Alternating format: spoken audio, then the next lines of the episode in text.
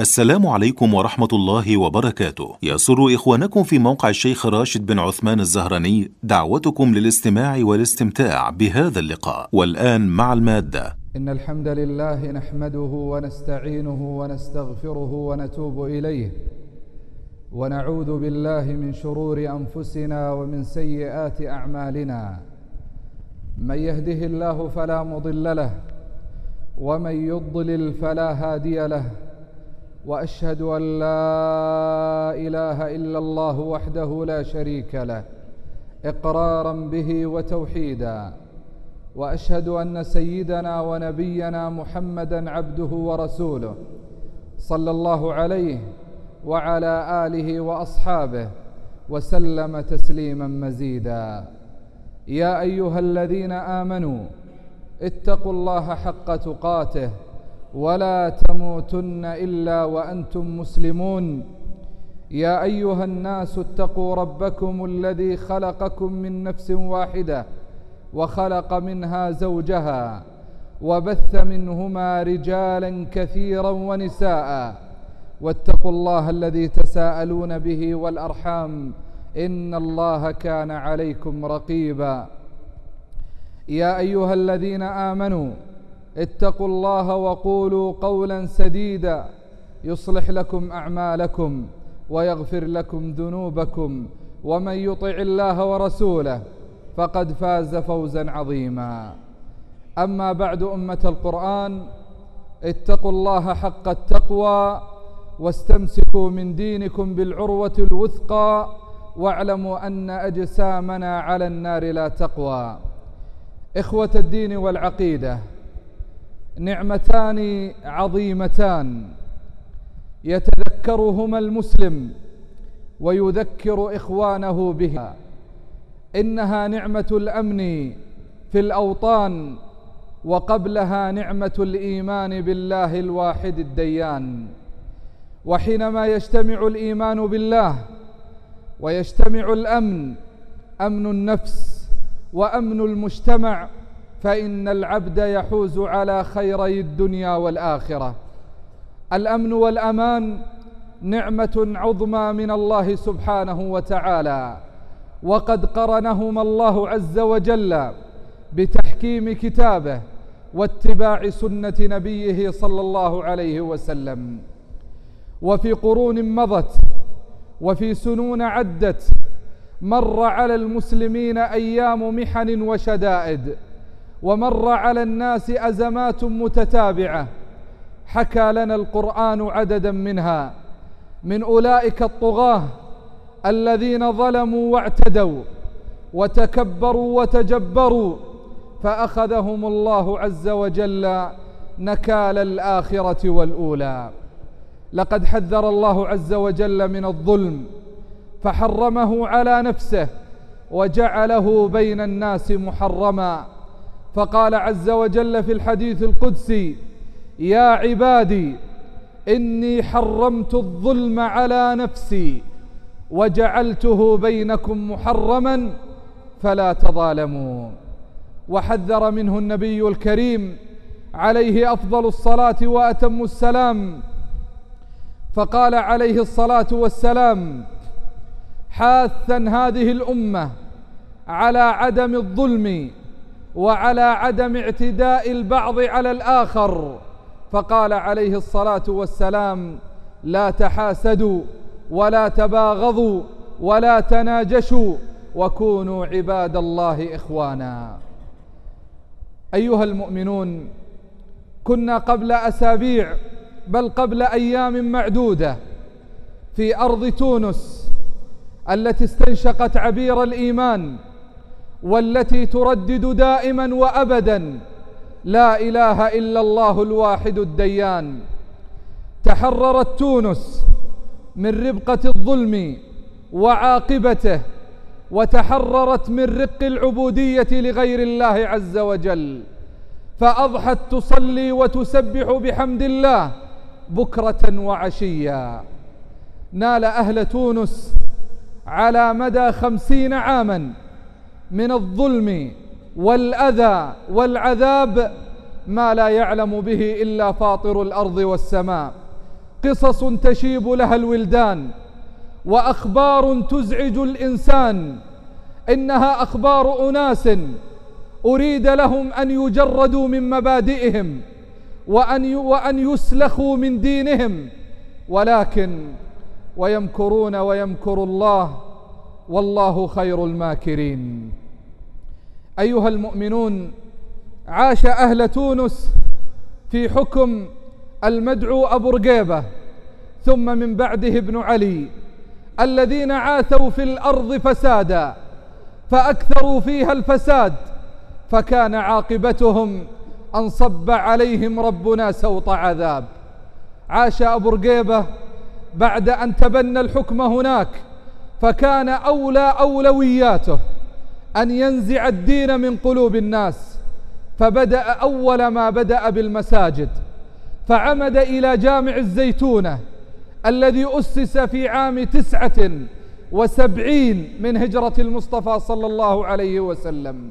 فمنع حلق العلم ومنع حلق التحفيظ فكان ذلك الجامع بعد أن كان مزارا للعلم والعلماء وبعد أن كان ينبض بالمصلين والقائمين والركع السجود فرغ هذا الجامع من محتواه فطرد منه العلماء وأبعد منه الأخيار وإذا به يجعله مزارا للكفرة واليهود والنصارى يزورونه كمتحف ومعلم تاريخي عربي قد فرغ من هويته الإسلامية. فغدا ذلك الجامع بعد أن كان يتلقى العلم فيه ابن خلدون وابن عرفة وسحنون والطاهر بن عاشور وأئمة سادوا وقادوا العالم أصبح يتردد عليه سقطة القوم وأصبح مزارا لغير المسلمين. ويستمر أبو رقيبة في متاهاته الردية وفي أقواله المظلمة التي كان يريد من خلالها أن يجرد أهل تونس من دينهم فتوجه إلى المرأة فأراد أن يبعدها عن معالم دينها. فإذا به يقوم بحملة شعواء ضد الحجاب وكان هناك حجاب في تونس يقال له السف... يقال له السفساري وهو حجاب تضعه المرأة على رأسها فيغطي حتى كعبيها. فأزال هذه المعالم. وخرج على القناة التونسية وهو يزيح هذا الحجاب ويلقيه في القمامة. ثم بعد ذلك يقدم الراقصات والعاهرات كأن كأنهن هن سادات المجتمع وهن نجومه قام بأفعال مشينة وحينما التقت به صحيفة فرنسية وكان يقوم في ذلك الوقت بما يسمى بالفرنسة. وهو أن يطبع الأهل تونس بالطابع الفرنسي. فقال إن أعظم ثلاث إنجازات قمت بها في تونس أولا أن أوقفت جامع الزيتونة وأغلقته ثانيا حررت المرأة من حجابها. ثالثا أقصيت الشريعة تماما حتى فيما يتعلق بالأحوال الشخصية حتى لا يبقى رابط بين الأسرة وبين دين محمد صلى الله عليه وسلم. ويتمادى في طغيه وغيه فيخرج على القناة التلفزيونية في صباح رمضان ليتهدد ويتوعد أهل تونس الذين يعملون بأن أي شخص يعمل في نهاره ويجده صائم فإنه سيلقي به في غياهب السجون ثم بعد ذلك يشرب الماء نهارا جهارا في شهر رمضان المبارك. إنه طغى وبغى وآذى خلق الله عز وجل. في عام 1960 من الهجرة ألغى التقويم الهجري وأحل محله التقويم الميلادي. ليأتي في عام 1961 ليصدر قراره المشؤوم بتأميم المساجد جميعا وبيع مئتي مسجد منها. باع مئتي مسجد فمنها ما أصبحت هذه المساجد مساكن للناس ومنها مساجد رأيتها بأم عيني أصبحت خمارات يشرب فيها الخمر الذي حرمه الله عز وجل وحول ثانية إلى مراقص وثالثة إلى متحف الروماني حتى يزور أهل فرنسا هذا المسجد الذي كان يوما من الأيام يذكر فيه الله الواحد الديان وأصبح الآن يدنس فيه اسم الله عز وجل. أمور عظيمة قام بها هذا ذلك الظالم. حتى إنه قام وكنت أسأل وزير الشؤون الإسلامية في تونس أقول أين أموال الأوقاف؟ قال لا يوجد أوقاف في تونس. قام أبو رقيبة بتأميمها ووضعها في خزينة بيت مال ووضعها في خزين الدو في خزينة الدولة وألغى ما يسمى بالأوقاف. أمور عظيمة قام بها من أجل أن ينسلخ الناس من معالم دينهم الذي أتى به محمد صلى الله عليه وسلم.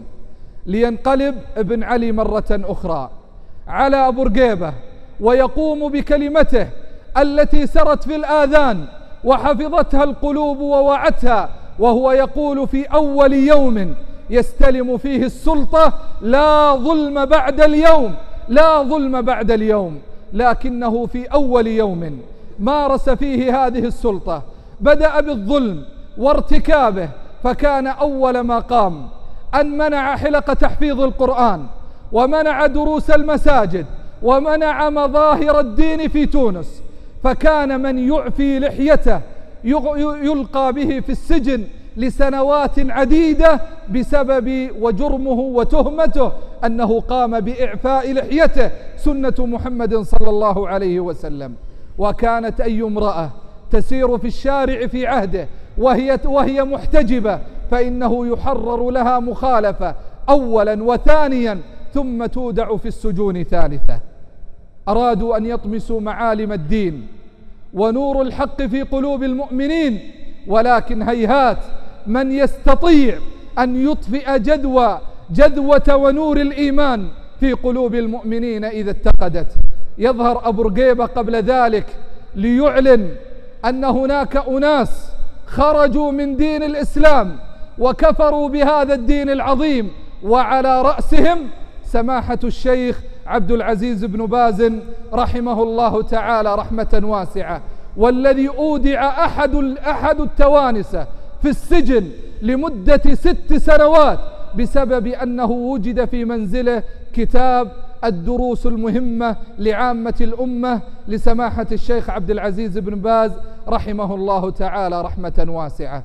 استمروا في ظلمهم واستمروا في عدوانهم واستمروا في بغيهم واستمروا في انتهاك الأعراض واستمروا في سلب الأموال حتى ظهر الفساد في البر والبحر بما كسبت أيدي الناس ليذيقهم بعض الذي عملوا لعلهم يرجعون. وبينما الظالم في ظلمه يزداد طغيانا وظلما وتمردا على دين الله عز وجل يظن أنه الواحد الأحد ويظن أنه لا سبيل إليه حتى يأتي أمر الله عز وجل جهارا نهارا. قال سبحانه وتعالى وأملي لهم إن كيدي متين. يقول صلى الله عليه وسلم إن الله ليملي للظالم إن الله ليملي للظالم حتى إذا أخذه لم يفلت وكذلك أخذ ربك وكذلك أخذ ربك إذا أخذ وكذلك أخذ ربك. إذا أخذ القرى وهي ظالمة إن أخذه أليم شديد. فنجاه الله ببدنه. فنجاه الله ببدنه كما نجى فرعون ببدنه ليكون لمن خلفه آية. نعم يا عباد الله إن الظلم نهايته وخيمة وعاقبته أليمة. وبعد أن سقط نظام ابن علي وذهب إلى مزبلة التاريخ وإذا بالناس يرددون الشهادة ويعلنون الوحدانية لله عز وجل والله لو رأى ابن علي وأبو رقيبة ما, ما حل بأهل تونس من عودة للإسلام والتزام بالسنة وعودة للحجاب للنساء لعضوا أصابع الندم على تلك السنوات العديدة التي أرادوا من خلالها أن يفرغوا الإسلام من محتواه. ويمكرون ويمكر الله والله خير الماكرين. تكتظ المساجد بالمصلين في صلاة الفجر والله لا تجد موطئ قدم. الناس يقبلون شبابا وشيوخا كلهم يقولون الله أكبر. أشهد أن لا إله إلا الله وأشهد أن محمد رسول الله. لا تذكر لفظ الجلالة إلا وتسمع التهليل والتحميد لله. ولا تذكر الحمد لله إلا وتسمع الألسن تلهج بالذكر والدعاء لله الواحد الديان.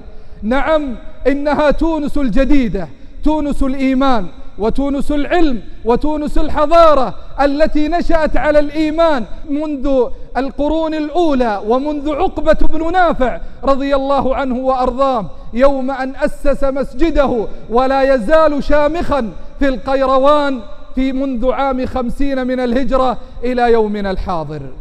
أيها المؤمنون كل شيء تستطيع أن تطمس معالمه وأن تزيح نوره وأن تبعد الناس عنه إلا الإيمان.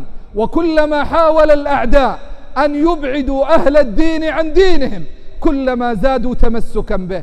حاول الاتحاد السوفيتي وحاولت الشيوعية قبله أن يبعدوا أهل الإسلام عن دينهم قتلوهم عذبوهم شردوهم قتلوا أبناءهم اغتصبوا نساءهم ومع ذلك لا زالوا يقولون نشهد أن لا إله إلا الله ونشهد أن محمد رسول الله. لتذهب الشيوعية ذهابا بلا رجعة بإذن الله عز وجل فيخرج الناس من أقبيتهم يحفظون القرآن ويتعلمون الدين ويذكرون الله سبحانه وتعالى وما نقموا منهم إلا أن يؤمنوا بالله العزيز الحميد.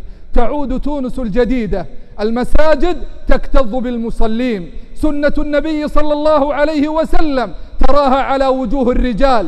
وأمر النبي عليه الصلاة والسلام بالحجاب تراه ماثلا أمام عينيه ومنظرا لا يشك فيه أحد ولا يرتاب فيه أحد وهو يرى النساء قد ارتدين الحجاب. أين تلك الأموال التي بذلت؟ من أجل أن يطمسوا نور الله عز وجل. أين تلك الجهود التي بذلت حتى يطفئوا نور الله عز وجل بأفواههم؟ ويأبى الله إلا أن يتم نوره ولو كره الكافرون. إنه درس درس لنا جميعا. أن دين الله باق ودين الله عز وجل منصور ولن يستطيع أحد مهما بذل ومهما طغى ومهما تجبر وتكبر أن يزيح الإسلام من قلوب أتباعه. لقد حاول المشركون قبل ذلك في أصحاب محمد صلى الله عليه وسلم فكانت النتيجة أن عادوا خاسرين خاسئين خائبين. لما قال لما قام زيد بن الدثنة وأرادوا أن تضرب عنقه قال أبو سفيان دعوني أسأله سؤالا. نشدتك الله يا زيد. هل تتمنى أن محمدا مكانك تضرب عنقه وأنك بين أهلك سالم غانم؟ فقال بكلام يعلوه نور الإيمان ويعلوه نور الاتباع لمحمد عليه الصلاة والسلام. قال والله لا أتمنى أن محمدا تصيبه شوكة وأني بين أهلي سالم غانم. قال أبو سفيان والله ما رأينا أحدا يحب أحدا كحب أصحاب محمد لمحمد صلى الله عليه وسلم. في تونس الجديدة التقيت بطفل لا يتجاوز عمره تسع سنوات. يحفظ القرآن كاملا. حفظه منذ سقوط ابن علي. له سنة كاملة. يحفظ القرآن حتى وعاه قلبه وحفظه صدره. لا يخرم منه آية. يحفظ المصحف بسبع قراءات ويحفظه بصفحاته وبأرقام آياته ويأبى الله إلا أن يتم نوره ولو كره الكافرون. أيها الأمة يا أتباع محمد صلى الله عليه وسلم أبشروا فإن دين الله منصور. والله ليتمن الله هذا الأمر. والله لو اجتمع من في الأرض جميعا على أن يصيبوا هذا الدين بسوء والله لن يستطيعوا إلى ذلك سبيلا. والله ليتمن الله هذا الأمر حتى يسير الراكب من صنعاء إلى حضر موت. لا يخاف إلا الله والذئب على غنمه. والله ليتمن الله هذا الأمر حتى لا يبقى بيت وبر ولا مدر إلا أدخله الله الإسلام بعز عزيز أو بذل ذليل. عزا يعز الله به الإسلام وأهله وذلا يذل الله به الكفر وأهله. حينما كان يحدثني بعضهم أن من الجرائم العظيمة في تونس أن يتردد المسلم إلى المسجد خمس صلوات في اليوم والليلة. ترددك إلى المسجد لصلاة الفجر والظهر والعصر والمغرب والعشاء جريمة تحاسب عليها وقد توضع في غياهب السجون حتى تتوب من أداء الصلاة. أتذكر هذه المواقف وأحمد الله على نعمه التي حبانا إياها. اللهم لك الحمد. اللهم لك الحمد. اللهم لك الحمد نشأنا على الإسلام. اللهم لك الحمد نشأنا على الدين والصلاة. اللهم لك الحمد نشأنا على آباء يعلموننا دين الإسلام. اللهم لك الحمد لم يضايقنا أحد في أداء هذا الدين ولا تبليغ سنة سيد المرسلين. عليه أفضل الصلاة وأتم السلام. لك الحمد يا إلهي حمدا كثيرا. طيبا مباركا يملأ السماء وأقطارها والأرض والبر والبحر. لك الحمد حمدا سرمديا يقل مداد البحر عن كتبه حصرا. لك الحمد مقرونا بشكرك دائما. لك الحمد في الأولى لك الحمد في الأخرى. أقول هذا القول وأستغفر الله لي ولكم فاستغفروه وتوبوا إليه. إن ربي رحيم ودود. الحمد لله على إحسانه. والشكر له على توفيقه وامتنانه وأشهد أن لا إله إلا الله وحده لا شريك له تعظيما لشأنه وأشهد أن سيدنا ونبينا محمدا عبده ورسوله الداعي إلى رضوانه صلى الله عليه وعلى آله وأصحابه وإخوانه وسلم تسليما مزيدا إلى يوم القيامة. عسى الكرب الذي أمسيت فيه يكون وراءه فرج قريب فيأمن خائف ويفك عان ويأتي أهله الناء الغريب يا الله ما أعظم هذه الدنيا؟ سنوات عديدة تتقلب بأهلها. قل اللهم مالك الملك تؤتي الملك من تشاء وتنزع الملك ممن تشاء وتعز من تشاء وتذل من تشاء. بيدك الخير إنك على كل شيء قدير. إن أهل تونس الجديدة يأتيهم تحديات عظيمة. هم وإن كان الله عز وجل فرج عنهم وكفاهم شر الأشرار إلا أن الشر لا يزال يحيط بهم من تلك الأقلام المأجورة التي تتبع لفرنسا وأذنابها ومن تلك الأصوات التي تتعالى تريد هدم الشريعة وإطفاء جدوة الإيمان في قلوب الناس لذا نقول لأهل تونس إن الطريق وإن الطريق صعب وهو طويل وهو عليكم بتقوى الله عز وجل عليكم بتقوى الله واجتماع الكلمة وتوحيد الصف فإنها من أعظم ما يقوي المسلمين. عليكم بالاتباع لكتاب الله وسنة رسوله صلى الله عليه وسلم. فقد حث النبي عليه الصلاة والسلام على ذلك فقال تركت فيكم ما إن تمسكتم بهما لن تضلوا بعدي كتاب الله وسنتي.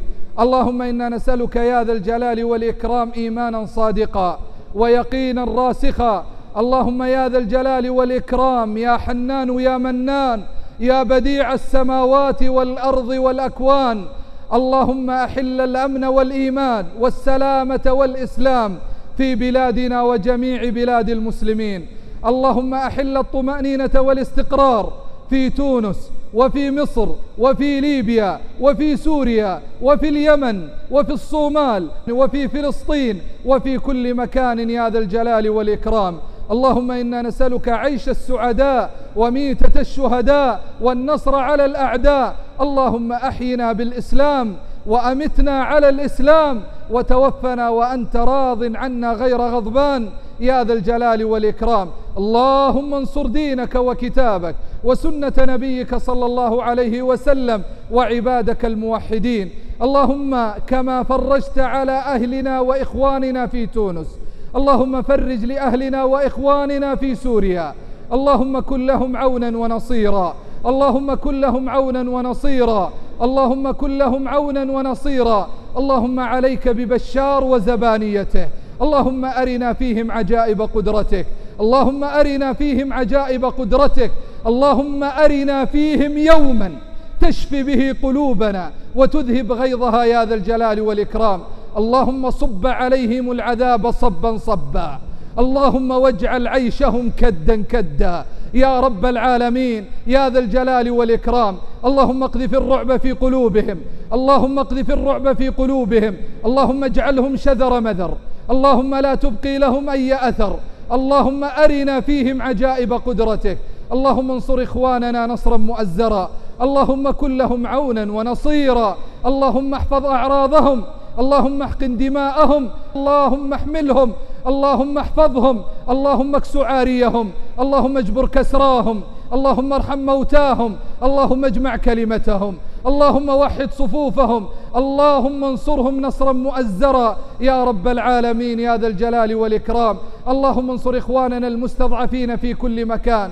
اللهم كن لهم عونا ونصيرا. اللهم أمددهم بمددك وأعنهم بإعانتك. يا ذا الجلال والإكرام. اللهم كن لهم عونا ونصيرا. اللهم لا ناصر لنا إلاك ولا رب لنا سواك. اللهم لا ناصر لنا إلاك ولا رب لنا سواك. يا رجاء المظلومين يا مفرج كرب المكروبين. اللهم فرج الكربة عن إخواننا في سوريا. يا رب العالمين اللهم أسعد صدورنا وأقر أعيننا برؤية عز الإسلام وانتصار المسلمين. يا ذا الجلال والإكرام.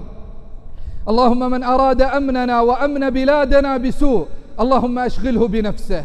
اللهم اجعل كيده في نحره. اللهم اجعل تدبيره تدميره. يا ذا الجلال والإكرام. اللهم ألف بين قلوبنا على الحق والدين. يا رب العالمين. اللهم وفق ولاة أمور المسلمين لما تحب وترضى. خذ بنواصيهم يا ربنا إلى البر والتقوى. اللهم وفق ولي أمرنا بتوفيقك وأيده بتأييدك. وأعل به دينك. وانصر به كتابك وسنة نبيك. وعبادك الموحدين.